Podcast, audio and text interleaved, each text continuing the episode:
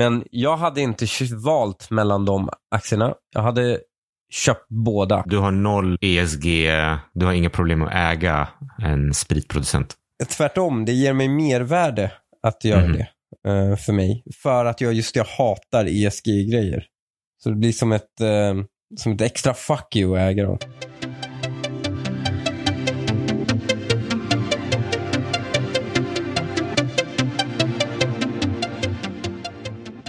Hade du trevligt igår? Ja, det var jättetrevligt. Gud, vilken jävla fest du hade. Ja, jag hade ju försenat 40-årskalas. Ja. Eh, och eh, många roliga människor och blandade människor. Det, var det faktiskt. Jag hade det ju astrevligt. Eh, Kul att snacka lite längre med människor man har liksom träffat i din periferi också. Mm. Och också gamla kompisar som vi har gemensamt. Så det var astrevligt. Det var första gången vi lämnade ifrån oss ungen också. Så det blev, eh, det blev en succé. Ja, men jag tror att det var flera som eh, hade första, första bortakvällen från barnen. När man har 40-årsfest, då blir det väl, folk har ju då fortfarande småbarn så de stannar inte så länge. Jag tänker Mm. vi- på 50-årsfesten, då, då är folk kvar till fem på morgonen istället. ja, verkligen. Då behöver man inte ta ansvar för de små glinen längre. Men eh, jag tänkte, det är eh, l- nästan på något sätt ansluter till eh, alkoholkonsumtionen från Ja. igår. Eh, jag tänkte prata lite ESG. Eller det, ESG har ju otroligt mycket vinklar och vi, skulle, vi kommer säkert återkomma till det flera gånger. Eh, och sen så tänkte jag lämpligt nog i slutet av podden så kollar vi på Pernod Ricard och jämför dem med ett annat spritbolag som heter Diageo. Och, eh, Pernod har ju varit i nyheterna Mm. Följde du det där med att de skulle börja sälja Absolut igen? De skulle börja sälja Absolut i Ryssland. Och så fick de massa skit för det. Och sen ska de inte sälja Absolut i Ryssland igen. Så nu har de ju lyckats göra sig, de har lyckats göra sig så här fiende med alla på något sätt känns som. Vad tycker du om sakfrågan? Är det, stödjer man Ryssland om man säljer Absolut vodka i Ryssland? Nej, jag tänker ju mer vodka man säljer i Ryssland, desto sämre för Ryssland borde det vara. Borde ju kräva att de ger bort vodka gratis i Ryssland. Dels blev jag förvånad över att ryssarna, det måste, det måste ju vara, jag misstänker att det måste vara någon värsta överklassgrejen att dricka svensk Absolut, ja. vodka Ja. i Ryssland. Det är ju, det är ju skitdyrt väl? I relation till deras ja, i relation till deras egen, ja förmodligen. Det är ju en sak om du säljer mikroprocessorer eller datorer eller någonting som de inte kan tillverka själv. Mm. Men om man skulle liksom rangordna alla produkter i hela världen från vad, vad kan Ryss, alltså vad är dåligt eller bra exporterat till Ryssland, då måste väl ändå vodka vara den som är liksom den de absolut kan substituera själva. Det stämmer. För när man tänker på det så, så jag har faktiskt inte tänkt på det på det sättet. Jag tänkte det här var väl dåligt PR-mässigt, eh, tänkte jag bara spontant. Eh, Men det, kä- men det känns ju som, ja, om jag, vad jag vet så tillverkas det fortfarande mycket av Absolut i Sverige. mm, Så jag menar, liksom nettokonsekvensen av det blir ju på något sätt de, negativt för den svenska fabriken. mm, Ryssland är helt eh, plus minus noll. Sen kan man ju, man kan ju då hävda att ja, men, man vill inte ge dem möjligheten till, att, till den här klassmarkeringen. Så därför ska Mhm. man inte. Men det kommer ju inte vara svårt för de då rika människorna att dricka vodka importerat, som är importerat. Inte av, perna, pen, eh, av, inte av Absolut, men de kan ju bara köpa det på flygplatsen och ta med sig det hem. Ja, precis. Jag tror till och med att Pernod i sitt statement eh, sa att ja, men, eh, vi, eh, okej, vi kommer sluta sälja, men vi kan inte hindra att det kan komma in på, eh, på parallella marknader. Mm, mm. Här. Absolute warned that they had no control over the parallel market and their vodka could still get into Russia that way. Så de eh, drog en liten hedge. Nej, men det blev väl Mm. demonstrationer främst från Sverige då när det kom ut att eh, de skulle börja sälja igen. Och jag läste att det, det var faktiskt ändå betydande andel, 3% av Pernods försäljning var från den ryska marknaden. Mm. Sen var det för sig en kommentar som jag inte såg så många rapportera som jag läser här på BBC. Då står det så här. Despite pulling Absolute Vodka, the company will continue to sell some products in Russia. Så, så det låter som att övriga produkter, De dunkar på med Moët och, och grejer där. Ja, precis. Det var de svenska protesterna stoppade absolut. Men i övrigt så är det eh, business as usual. Ja, jag, jag undrar det apropå det där, alltså, så här, borde man inte när man utformar då bojkott och sanktioner försöka avgöra vad som är konstruktiva sanktioner? Som är alltså konstruktiva på det sättet att de skadar Ryssland mycket. Och saker vi absolut måste exportera till dem för att det skadar dem att importera det. En parallell som är lite långsökt kanske, men jag vet inte om du har läst om att eh, de har ju så här mycket fentanylproblem i USA. Mm. Och mycket av det tillverkas på ett eller annat sätt, eh, eller kommer, anse, eller de, den har kinesisk eh, källa. Mhm. Och då är det vissa som har hävdat att det är liksom en kinesisk eh, covert operation, liksom att pumpa in fentanyl i USA för att eh, liksom kartellerna i Colombia, de, vill, de tycker ju bara att det är skitdåligt för det Mm. gör att deras kund, när de får kokain med fentanyl, dör deras kunder. Ja. Eh, och att det här är någon sorts eh, covert Man, man operation från hittade Kina. nu amfetamin som är Sveriges favoritdrog. Eh, eller det är det ju inte. Men eh, det, Sverige är ju ovanligt mycket tjackig jämfört med andra länder. Man hittar ju nu fentanyl i svensk amfetamin. Jag såg att det var i nordost så gick det en varning om att det var fentanyl i eh, fultjacket som säljs här i, i nordostområdet i Stockholm. Jag har inte riktigt förstått eh, vad som är eh, strukturen bakom det där. Det känns ju ologiskt för eh, säljarna att vilja döda sina kunder. Ja, men hur mycket billigare är fentanyl också? Det måste vara skitbilligt. Om, om du kan blanda ut det med chack för att du vill hellre ha det än, än amfetamin. Som också är jättebilligt väl? Jag vet inte om du såg Riksbanken kom ut med en rapport, eller de kallar det staff memo, i Mm. början av veckan. De, eh, de hade gjort någon analys på svenska fonder Mm. och eh, kommit fram till att svenska fonder bidrar till att klimatet ökar med 2,77 grader, vilket är över de två graderna som är satta av Parisavtalet. Hur fan har de räknat ut det här? Om jag ska läsa från rapporten så står det Ja. så här. Detta staff memo undersöker 122 svenska aktiefonders temperaturanpassningar i slutet av detta århundrade. Resultatet tyder på att fonderna i urvalet i genomsnitt gör anpassningar som motsvarar en temperaturökning på 2,77 grader, vilket är långt över den övre gränsen på 2 grader som anges i Parisavtalet. Men jag, jag fattar inte vad, hur... Och då, då har de förlitat sig på, det finns något som heter Carbon for Finance som av allt jag kan utläsa är en konsultorganisation. För om man går in på deras hemsida så finns det lediga tjänster som säljare. Och de har utvecklat någon metodologi då där man ska kunna räkna ut hur ett fond bidrar eller inte. Och jag kommenterade, när Riksbanken tweetade ut så här så kommenterade jag ironiskt, eh, är ni säkra på att det inte är 2,78? För jag ville, eh, med den tweeten så vill jag belysa, liksom, det finns en princip inom fysik eller eh, riktig naturvetenskap. Att ditt slutresultat kan inte ha högre precision än dina mätvärden. Ja, precis. Om, om jag tar en liksom, sån här hemmalinjal och så mäter jag min egen längd och så kommer jag fram till att jag är 1,69. Mm. Eftersom jag kan se på centimetern så kan jag säga Mm. 1,69. Men om jag skulle säga jag är 1,69,00 eller jag är 1,69,01 Mm. då, då måste jag vara säker på att det inte var 1,69,02 och det kan jag inte vara för jag hade inte den precisionen. Mm. Ja, ett steg är ju då att ha linjal. Eh, Nästa steg är väl om jag skulle kolla på någon med, med ögonmått. Då, Ja, kan, jag sä- då kan jag säga att han, kan- han är en, en, någonstans mellan 1,8 och 2 liksom. Mm. Men det här, när du ska titta på en fonds portfölj och bryta ner det i vad det är för temperatur, klimatpåverkan. Då är det nästan inte ens ögonmått, utan du, typ så här, du försöker mäta ett avstånd med hörsel eller någonting.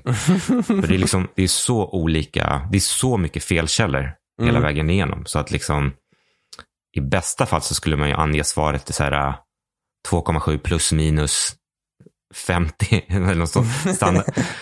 ESG-investeringar och kanske klimat generellt, de lider ju av mätproblematik. jag trodde det var en del av marknadsföringsbudget. För Bolagen.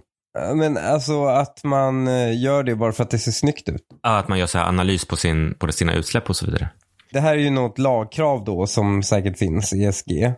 Eh, Nej, alltså, no, nej, det är nog inte, det här är nog bara liksom att investera, eller att det har blivit en trend att man ska investera i ESG. Mm. Ja, det har, absolut har det blivit en trend, men man ser det som en sån här, det är en utgift vi måste ha för det ser så dåligt ut om vi inte har den utgiften. Mm. Då bryr du dig de facto bara om image och då är det ju marknadsföring. Eh, apropå det här så läste jag en intressant artikel om ett bolag i USA som heter, ska jag se om jag kan uttala det här, Weyerhaeuser. Mhm. Och de är ett av de största loggingbolagen i världen. Mm. Och eh, jag tror det är så här, någon miljösida har väl kommit fram till att de har huggit ner mest träd av alla bolag i världen. Och sånt där. Men de återplanterar ju.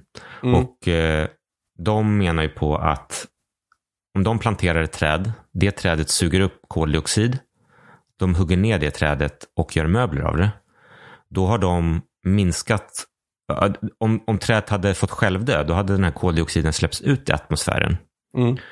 Så i om man ska långdra det, det de säger är ju fler träd vi hugger ner, desto bättre. För hade vi inte huggit ner trädet, då hade det fallit och dött av sig själv och släppt ut koldioxiden. Så det är mycket bättre Ja. att vi hjälper träden att binda sin koldioxid i möbler eller vad de nu gör av träden. At Warehouser, we've always had a really strong foundation in trying to be a sustainable company. Trees sequester carbon in a process called photosynthesis, where they take in carbon dioxide and they break it down and they use it for energy and they store part of that carbon in their physical structures as they grow. So, as long as wood is in its physical form, it's storing that carbon. And so that can go into buildings, which can have long estimated lifespans, and storing the carbon in that structure for the long term. Fast all koldioxid kol släpps ju inte ut i naturen. Alltså i, i klim, klimatet, i atmosfären av att ett träd dör. Heller, i och för sig. Det binds väl ganska mycket ner i marken och blir jord. Jag, vet faktiskt inte exakt, men... Men det är ändå en del kan jag tänka mig av Det- duns. Liksom. Det är i varje fall liksom så, så de argumenterar och de menar på att då kan de liksom sälja utsläppskompensation. Alltså, de är ett företag som hugger ner träd och gör möbler. Det har de gjort i typ hundra år. Mm. Så, och de kommer fort, det är exakt samma verksamhet de kommer fortsätta göra. Men nu, har de, men nu kan de liksom gå till, typ som när du, så när du åker ett flygbolag och så, jag vet inte vem som gör det här, men du köper utsläppsrätterna. utsläppsrätter. Mm. Då kan det vara att det flygbolaget, det går till det här möbelbolaget Som och säger, kan ni lova att göra fem mahognyfåtöljer till så att, eh, så, att vi kan, så att vi kan kompensera våra utsläpp? What I loved about what you're doing is you are deeply involved with carbon capture. You're deeply involved with credits. I need you to explain to the millennials out there why your company is a very concerned company when it comes to the environment and the air. Yeah, Jim. Well, you know, the ESG movement that we've seen really plays well into our story. This is something that we've been involved with for many, many decades, frankly, before it became vogue. We produce wood products that sequester carbon for the lifetime of those products. So we really are front and center in terms of the carbon story of Warehouser, I would say is the top ESG story, bar none, when you think about carbon and climate change. And so, you know, that's something we've really been trying to get out and help people understand. And that's really the, the foundation of our new natural climate solutions business that we, we are growing and, and really announced that we're going to grow that fivefold over the next several years. That's really at the heart of it. Now, your your um, president, your chief development officer, Mr. Hagan, said it's still in its infancy, uh, but the numbers that you're talking about, estimates growing to 100 billion dollars, you could dominate this business. There's no one who has the natural resources that you have. Yeah, there's no question, Jim. And when you think about just the amount of carbon dioxide that we sequester today, when we think about into the future and the ability to sequester incremental CO2 by changing the way that we manage forests, there really is no one else that's better positioned to do that with our land base, the foresters, the scientists, the technology that we have. This is an emerging business for us.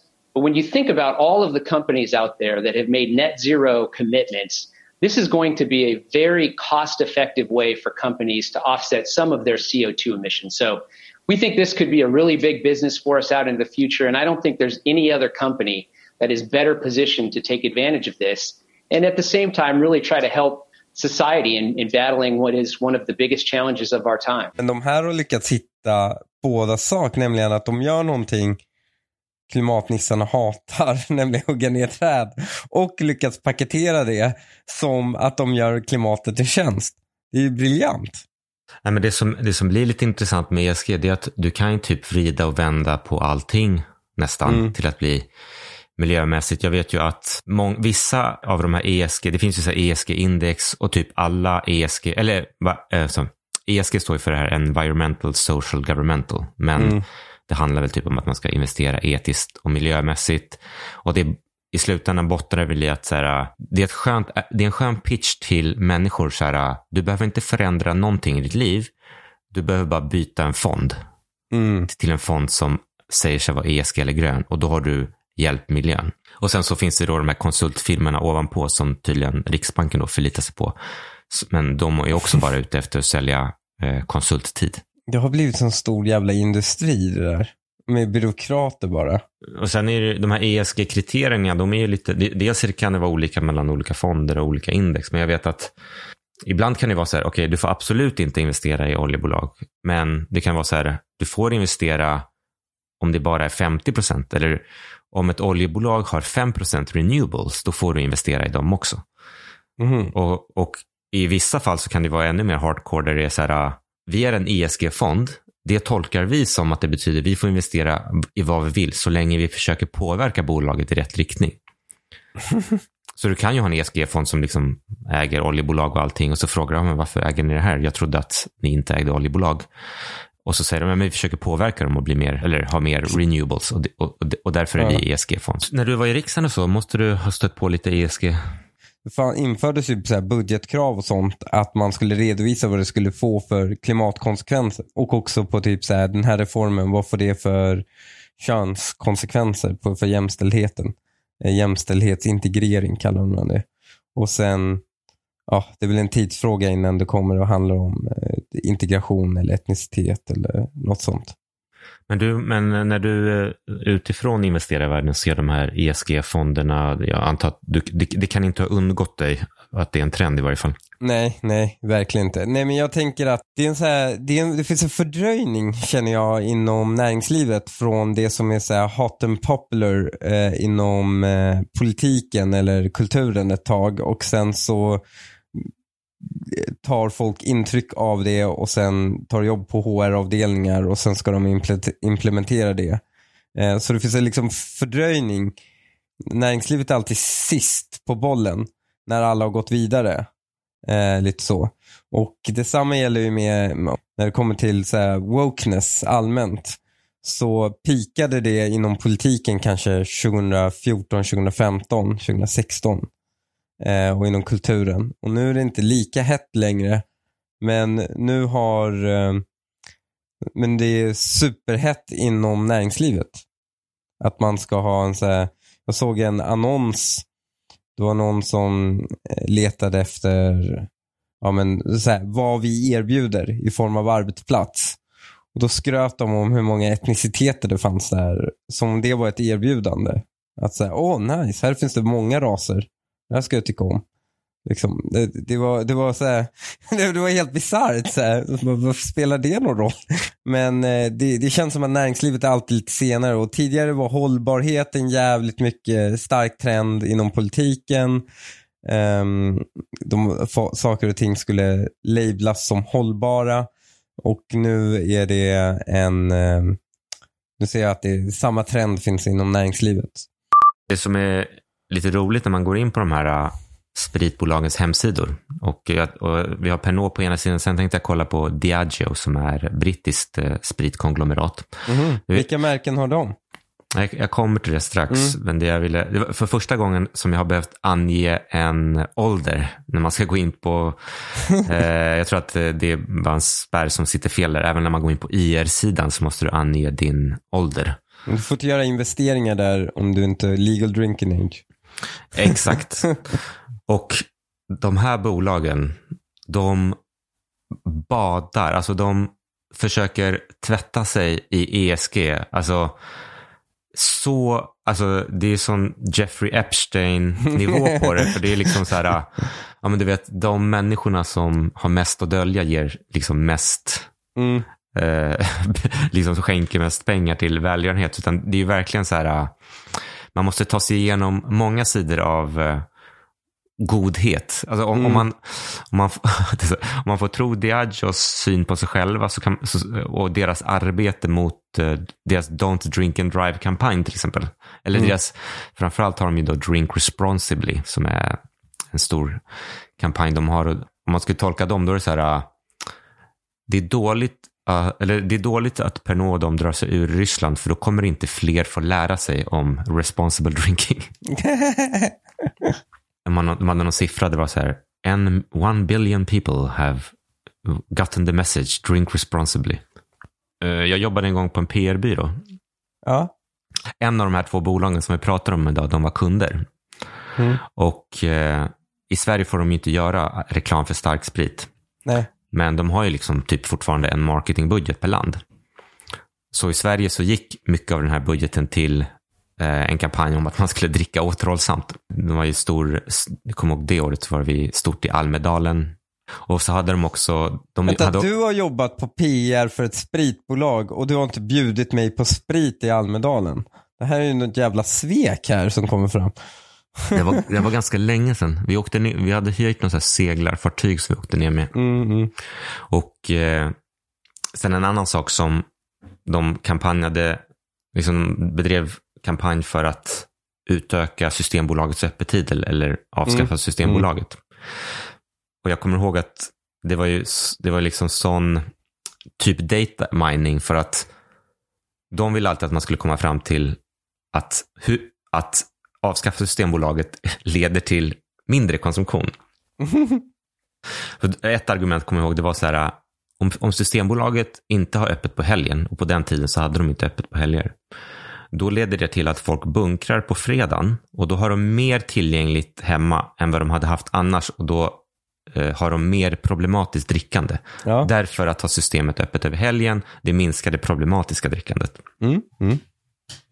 Sounds reasonable. Ja, ja nej, det. men du vet, all statistik går ju att Ja. eh, spinna. Ja.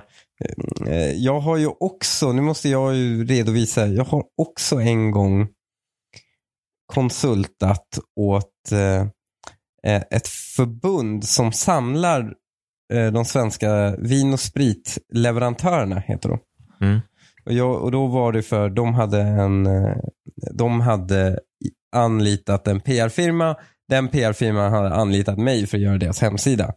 Helt enkelt så, så när jag gjorde den så tyckte jag det var så ironiskt för det var en av medlemmarna i det, det var, måste ha varit 2007, tidigare liksom. En av medlemmarna var eh, eh, Vin och Sprit Mm. som då ägde eh, Absolut Vodka. Så de pyntade konsulter pengar, ett statligt bol- bolag pyntade konsulter pengar för att lobba att Systembolaget, alltså staten, ska avskaffa Systembolaget. Det var så jävla konstigt skatt, liksom, skattemedel i cirkulation där. Där, där ett statligt bolag lobbar mot att ett annat statligt bolag ska bli av med sitt monopol. Oftast så är alkohol, den är oftast absolut förbjuden i alla ESG-fonder. Mm. Och, eh, men men, jag, men, men liksom, jag har varit på seminarium, ESG-seminarium, där de, på kvällen är det middag så serverar de vin. Jag, och jag kan garantera dig att alla fondförvaltare som förvaltar ESG-fonder som inte får investera i alkohol, de tar ju säkert, de dricker ju alkohol. Så det är liksom, Ja. Nej, jag tycker du är lite, lite väl hård, men alltså bara för att förvaltaren konsumerar det. Alltså det är ju som att säga eh, det är fel att investera i oljeindustrin, men förvaltaren tar en bensinbil till jobbet. vi accepterar alla att det här är en del av vår kultur, eller att jag, Ja, att jag behöver att det här bolaget ska pumpa upp olja för att jag ska kunna ja. köra min bil. Men, Du får inte investera men någonstans bestämmer vi att det är oetiskt. Ja. Men det är spännande hur den här ganska idealistiska bilden av eh, hur en investering ska se ut fick sig en jävla törn under Ukraina-kriget. För plötsligt eh, blev ju Ukraina-kriget blev ju det liksom, Ukrainas försvar blev ju ja, men snabbt etablerat som det mest etiska som finns såklart. Och eh, då blev ju problemet att alla som levererar vapen till Ukraina var ju fortfarande stämplade som oetiska investeringar. Mm. Varpå liksom Eh, det har ju varit massor av problem med människor som till exempel vill donera pengar till Ukraina för dem att köpa vapen.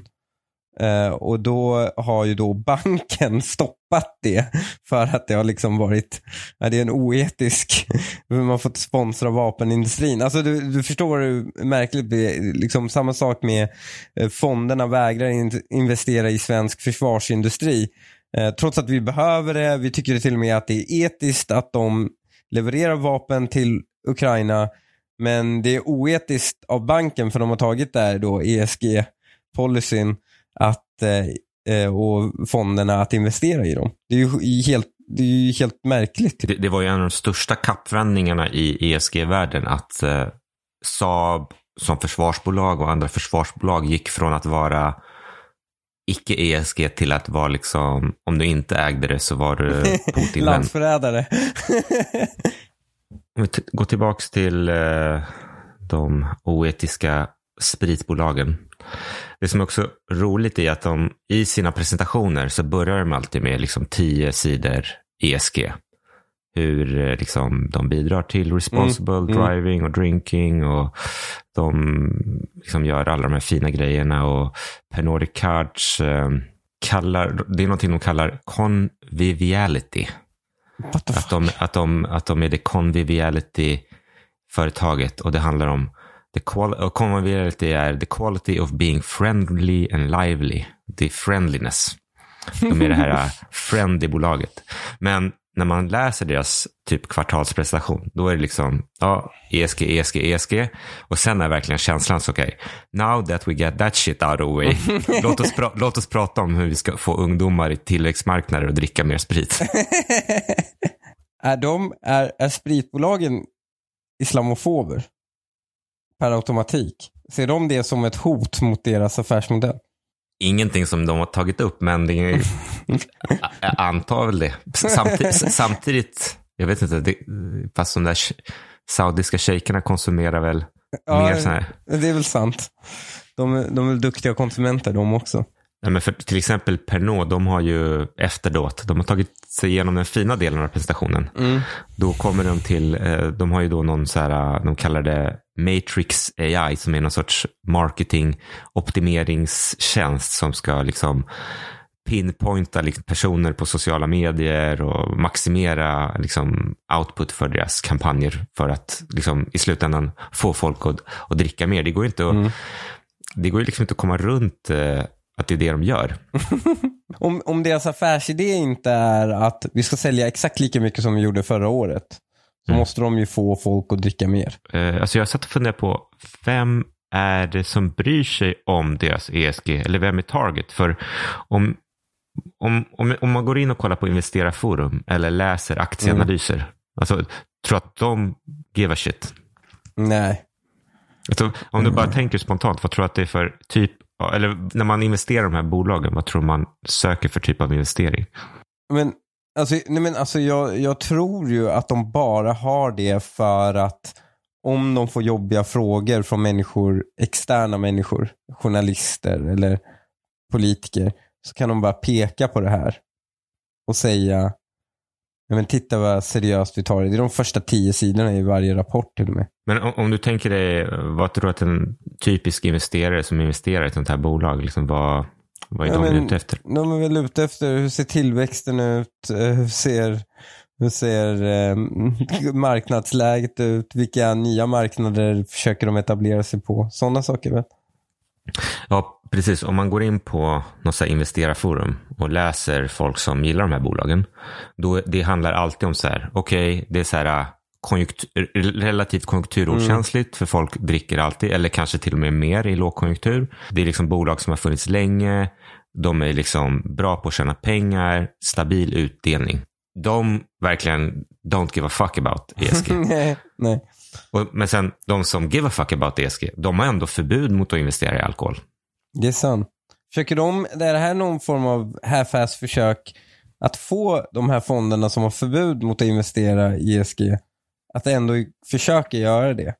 För att de visar att de är så ansvarsfulla. Alltså, det, alltså just eftersom alkohol oftast tillhör den här kategorin som är totalförbjuden så tror jag inte, nej, så jag tror inte det hjälper. När, när Diageo säger att de har nått fem miljarder människor som säger med sitt budskap om uh, drink responsibly. De har någonstans skrivit om att fem miljoner tror jag att det är människor worldwide har hört vårt budskap om don't drink and drive. Liksom fem här, miljoner? Måste ja, det var ganska lågt faktiskt. Jag var ja. också lite förvånad. nej, men, men jag hade ju som om, om jag hade investerat i den hade jag blivit provocerad att de hade massa byråkrater anställda som gjorde de här grejerna. Det hade provocerat mig. Jag tror, uh, don't drink and drive, mm. bara i Sverige Alltså inte från det, det här bolaget, men mm. allmänt det budskapet har väl nått fler än fem miljoner. Bara i Sverige. det är ett unikt nytt budskap de försöker hamra in. Vad, hur mår de här bolagen då? Om vi går in på... Om vi, om vi, nu när vi har tagit förbi ESG-bullshiten och ja. ska prata om hur, hur de tjänar pengar. Men om vi börjar med Diageo som är ett brittiskt bolag men också finns noterat i USA tror jag. De hade de hade 282 ägare på Avanza mm. och Pernod de hade 404 eh, på Avanza. Och Pernod är ju franskt bolag. Och eh, intressant nog så var båda bolagens aktiekurser var eh, de, de, var inte på all time high. De satte all time high i december, men de var, när, de var tillbaks nära all time high igen. Oj, alltså extra notering. Det är bra. Diageo är dubbelt så stort som Pernod i både försäljning och värdering. Och man kan säga att båda bolagen värderas på ungefär samma sätt. Det är mm. 25 gånger vinsten och 5 gånger omsättningen. Och båda bolagen kör typ en utdelning på ungefär 2 eh, procent. Så det är också någonting som investerarna i den här typen av bolag, de liksom, jag köper det här och så har jag det till mina barnbarn så får jag utdelning 2 procent per år och jag vet att eh, det är liksom stabil business. Ja, ja. Och, eh, om vi ska prata vad de gör jag skickade en länk med Pernods eh, varumärken. Jag såg det. Jävlar, det är många märken. Alltså jag fick lite ungdomsfylleångest när jag såg några av de här. Har jag haft, Vilka var det särskilt? Med Malibu tror jag. De har gjort uh, dåliga val på. Sen, absolut. Och sen Beefeater är väl ja. den billiga ginen man tar. Ja, Beefeater, klassisk GT-gin. Och eh, är det något eh, varumärke där som väcker minne för dig? Det är nästan samma. Det är ju absolut, eh, är ju definitivt en de. Jag, jag, några kände jag inte till, till tillhörde dem. Till exempel den här Glenlivet. Alltså, jag har ju fått lite whiskyintresse. Så, mm -hmm. eh, men jag är inte alls eh, så fint whiskyintresse som, och specialiserat. Men kan dricka det nu för tiden och kan göra det ibland. Känner man ändå igen den. Jag, jag trodde Pernod Ricard skulle vara lyxigare. Några av dem är väl, eh, jag vet inte, de har ju någon champagne där, Perrier 21. Men jag tror att mm. de här två är väl bag-in-box-viner va? Eh, Jacobs Creek mm. och Campo Viejo. Mm. Jag tror jag har sett dem på bag-in-box. Kalua, Mintu äger de tydligen. de har ju eh, Chivas också. Som är så här. Men det är mycket, det är mycket, det är mycket så här, deras finaste märken är ju så här äh, lite flygplatsmärken. Det är mycket sälja på flygplats-vibe eh, på dem.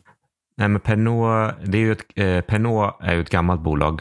Det är ju eh, mergat då, Pernod och Ricard. Det var intressant som jag faktiskt upptäckte att eh, vdn, han var fortfarande, han var barnbarn till eh, Paul Ricard som var grundare av eh, Ricard. Fint, familjeföretag. Ja, typ då fortfarande familje-vd. Och Pernod grundades 1805. Jävlar. Och tydligen så stod det här att de bland annat var först med absint. Ja, det var ju stora skandaler om det där på, i sekelskiftet. Då en man hade druckit absint och sen typ yxmördade sin fru och sina barn. Och efter det blev det så här absintförbud. Man skyllde allt på absint. Man glömde säga att han hade så här druckit en 70s eh, sprit och tre flaskor vin också. Så han var ju helt råtankad. Det är väl fortfarande förbjudet på Systembolaget med den här speciella ingrediensen? Eller ja, har man tillåtit det? eller vad det heter. Ja, nej, den får man inte ha längre i, i, Och det är ju den som påstås kan få dig att hallucinera. Men är det bara i Sverige? Får man ha det utomlands? Jag, tror, det- jag vet inte. Jag, jag, har, få- jag har, tror jag har varit i Tjeckien där de har försökt sälja på en absint som är äkta absint. Mm. Och eh, om man tittar på Pernod, det, det, de, det, det, som har, det som växer mycket hos dem, eh, bland de enskilda varumärkena, är bland annat eh, Jameson som tydligen växte 20% year on year. Oj, Kategorin var? I Indien eller? Är det Indien? Måste vara Indien. Eh, bra gissat. Continued strong development in South Africa, Nigeria, India, Korea, Australia and Latam. Mm. Det är ESG, men det är bra att folk dricker med Jameson i Nigeria.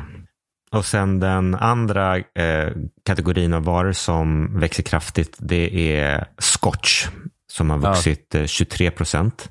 Mm. Och eh, du hade faktiskt eh, helt rätt i din eh, magkänsla där att det här var tax-free att det här Mm. var tax, tax-free spriter, för kolla då på det de säger om sin scotch-tillväxt. Det är att eh, de två som växer snabbast här är Chivas Regal Mm. och Royal Salute. Och när de ska förklara tillväxten då är det excellent growth driven by travel retail. Det där märkte jag när min eh, morbror var på besök här Iran, eh, från Iran. Och där har de ju svårt att få tag på bra alkohol.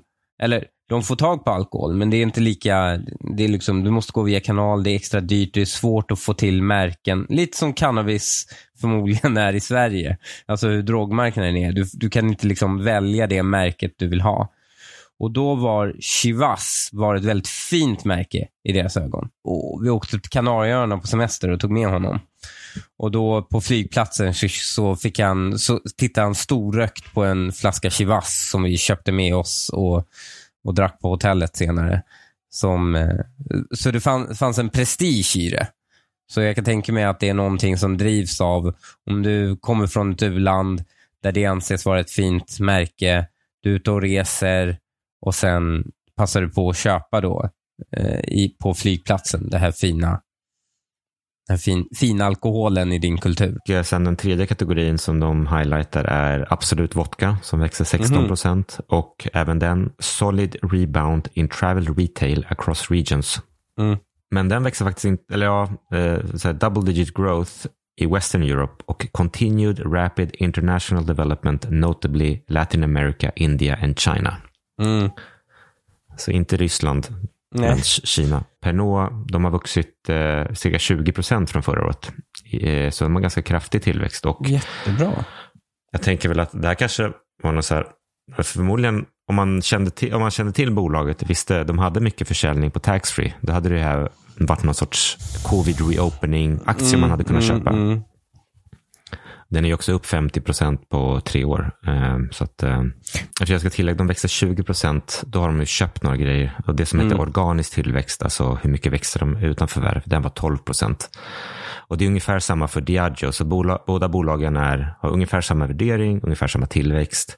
Eh, men den ena har liksom dubbelt så stor försäljning, så då blir market cap dubbelt så stor. Så det finns ingen direkt så skillnad mellan dem. Och eh, den region de växer kraftigast i, det är Asia, rest of the world. Jag bara ska dyka in på Diageo. Deras stora varumärken är eh, Johnny Walker, Guinness, Tanqueray, Baileys, Smirnoff, Captain Morgan. Annat. Jävlar. Det är ju stora märken. Lite finare också. Bättre in. Tanqueray, fan. Det är ju fin, fin grejer ju. Kan du, det var en intressant statistik de hade som det kallas TBA, Total Beverage Alcohol Market. Hur stor andel av den totala världsmarknaden för alkohol som eh, eh, ett bolag som Diageo har. Oj, men vet du vad? Jag tror det finns så många starka lokala varumärken Mm. som de inte äger. För de äger de här internationella varumärkena. Mm. Jag, nu, nu tar jag i och säger 5%. Ja, men det var bra gissat, det var 4 procent. Oh, nice. Och deras eh, uttalade mål är att växa till 6 procent. Ja. Men är, man får tänka hur stor andel alkoholmarknaden är eh, som är lokala märken. Jag, var- jag var i Tanzania ett tag. Och, Ett tag? eh, Ja, men no, några veckor. Två veckor Mm. var jag där. Och ehm, nu pratade med deras politiker och sånt. Och de hade ett väldigt, väldigt stort moment. Hade de. Mhm. För att eh, det, det lokala IT, alltså så här, telekombolaget, hade gått om och blivit det största bolaget i landet. Och Det bolaget den hade gått om var det lokala ölmärket, som var det största bolaget i landet. Du, du hade helt rätt i att med, medan Pernod eh, kanske satsar lite mer på de här taxfree-märkena så är Diageo lite mer satsiga på high-end. Och eh, det är också där de ser, eh, de kallar det super premium. Inom sitt eh, super premium, det är där de ser eh, starkast tillväxt eh, inom det segmentet. Sen om man tittar globalt så också de växer mest i Kina och Latinamerika. Och den spritkategori som de har satsat på väldigt mycket, som därmed också växer eh, absolut snabbast och som de tror kommer fortsätta växa snabbast, det är tequila. Oj. Det är tydligen då den nya trendiga eh, drinken i USA som de försöker både liksom förvärva varumärken och expandera inom. Och någonting som det här bolaget också är väldigt stolt över det är att de har kunnat växa sin utdelning i princip eh, varje år. I varje fall sedan år 2000 som de har en graf för. Så att det är liksom, det är den, den typiska karaktären för både Pernod och Diageo. Det är liksom, de är skitduktiga på marketing, de är liksom jätte, de håller i sina finanser, de eh, försöker kräma ut så mycket som möjligt på varje marknad, de försöker växa sin utdelning varje år. Eh, det här vänder sig till de liksom investerare som vill ha någonting stabilt, långsiktigt, liksom välskött. Och sen ovanpå det har de den här eh, ESG-kosmetiken som jag tror att deras investerare fullständigt eh, struntar i. Mm. Jag tycker det är stabilt. De är, de är bra positionerade i tillväxtmarknader, i så här, där medelklassen växer väldigt mycket. De fortfarande tillväxt av medelklass. Det är fina märken, välkända, stora marknadsföringsbudgetar. Nej, men jag, jag, jag tror de här, de kommer klara den här krisen galant, båda två. Efter att ha gått igenom bolagen så var det inte så att jag fastnade för den ena eller andra. Mm. Och sen är ju värderingarna är ju de är också, alltså jag skulle säga att de här är rätt värderade. Så du kanske kommer, köper den här aktien så kommer du kan, kommer du ungefär tjäna lika mycket som bolaget växer. Så fortsätter de växa 10-15 procent så är det det du kommer tjäna. Men den kommer förmodligen vara mindre konjunkturkänslig. Man, man kanske skulle kunna säga att Pernod med sina nu har de, de har i och för sig Absolut som är ett premium brand, men i övrigt har Men de det är mer... inte så premium. Alltså det är ju inte så här oöverkomligt för vanliga människor att köpa. Jag ska se bara, vilka vodkamärken är det, Det är som liksom- Diageo har? Anrikt men eh, eh, anrikt premiumsegment. Men det är inte lyxsegment. Men Diageo har ju Smirnoff, men det är väl inte heller lyx? Det är inte heller det. Det är inte heller så. eh, Diageo har ju de, faktiskt de här uh, Ciroc som jag vet är, Ja. eh, finns det ens på bolaget? Den finns på Systembolaget. 500 kronor flaskan. Hur mycket är det mm, jämfört med en Absolut flaska? Absolut. Vodka är 250 kronor. Okej, så den är dubbelt så dyr. Mm. Jag undrar om man skulle känna någon skillnad. Vi får köra, eh, vi får köra vinprov, eh, vad säger vodkaprovning. Bara du och jag blindtesta oss fram. Ja, men då är det ju helt klart så att uh, Diageo kanske är lite mer lyxsegmentet. Men då är ju frågan, vad är mest konjunkturkänsligt? Uh, att den här, uh, de rika fortsätter konsumera oavsett eller att medelklassen kommer uh, fortsätta dricka Jameson? Det, det är ju inte så här hyperlyx, alltså det är ju inte Louis Vuitton eh, Nej. läget. Det är inte det segmentet. Det är ju liksom, om vi, om vi pratar bilar, så är ju liksom, deras segment är kanske en Audi. Mm. Det är ju inte Lamborghini. Mm. Nej. Ehm, så eh, jag tror de är exponerade mot samma, mot, mot samma marknad egentligen. Ja, men det, skulle man, det man skulle kunna säga är ju att eh, Pernod är ju hälften så stort. Mm. Och normalt sett så kanske, i vissa branscher i varje fall, så är det ju i varje fall lättare att växa om du är liten. Än Diageo måste ju växa mycket mer för att fortsätta växa. Eh, Så att om man, om man kan acceptera att Pernod skiter i att eh, Ryssland, eller fortsätter sälja till Ryssland, Ja. och, då, då kanske, och om man absolut vill äga någon av de här två spritbolagen, då kanske Pernod på marginalen kanske har lite mer potential. Men jag hade inte valt mellan de aktierna. Jag hade köpt båda. Och du, men, och du, har, du, du har noll ESG.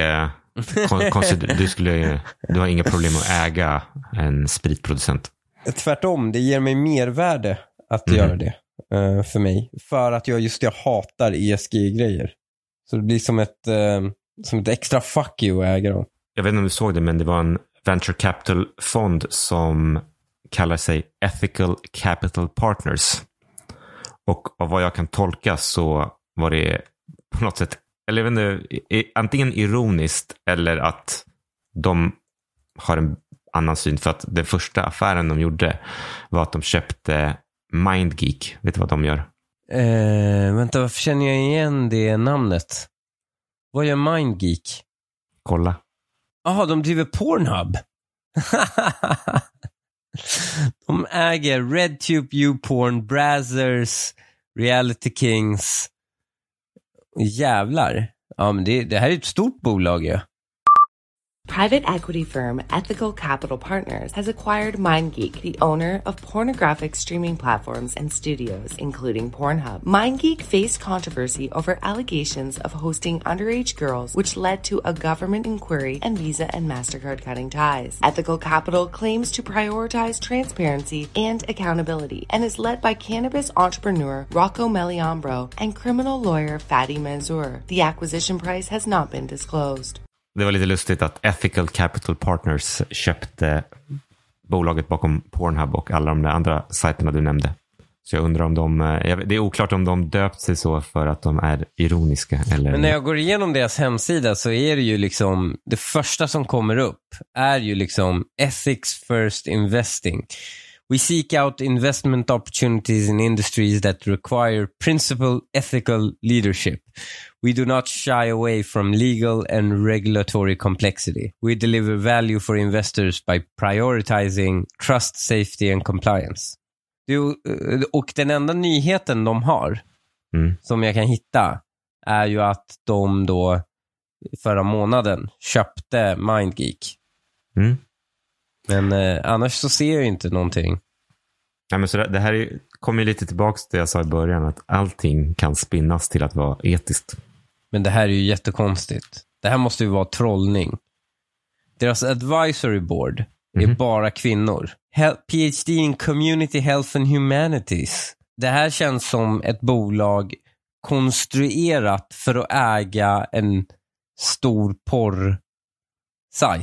Hon, hon har forskat om porn studies, sexualities, critical public health, sexual medicine, sexuality and culture. Det, det är liksom, om man tittar på de som är med, det ser ju jätte, bilderna är, alla ser ut som, ser ut som ett fimöte. Men det är någon italiensk gubbe vet jag som äger bolaget.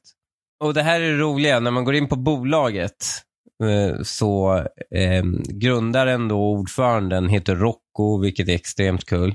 Men alla är eh, managing, eh, eh, liksom alla är snubbar förutom kommunikationschefen.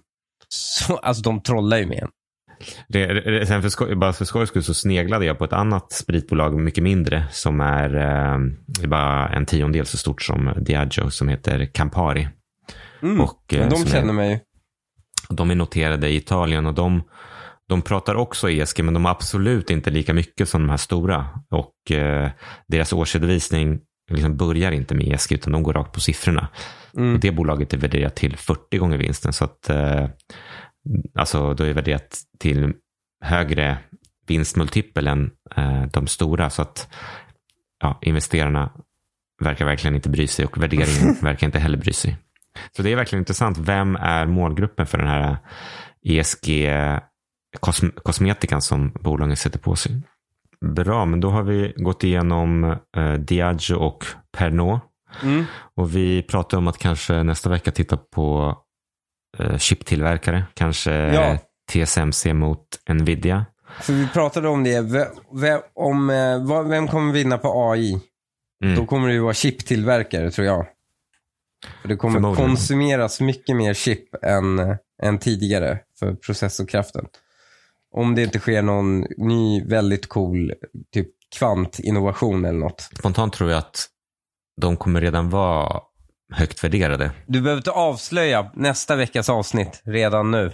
Vi behåller de resonemangen till det avsnittet. Men jag tänkte, du kan, vi, vi kan ju fundera på, finns det någon ytterligare next level som man liksom... Mm. Men vet du vad vi kan göra? Mm. Om eh, vi har någon lyssnare där ute som eh, har några två aktier den vill att vi jämför. Så skicka gärna, skriv på Twitter, Gaming Investor eller till mig. Ehm, och eh, Vi lägger alltid upp ett eh, inlägg när vi släpper våra avsnitt. Gå in där, skriv i tråden på Twitter så, så, så hittar vi er och säg vilka aktier ni vill att vi tittar på. Tack för att ni lyssnade. Ha det bra!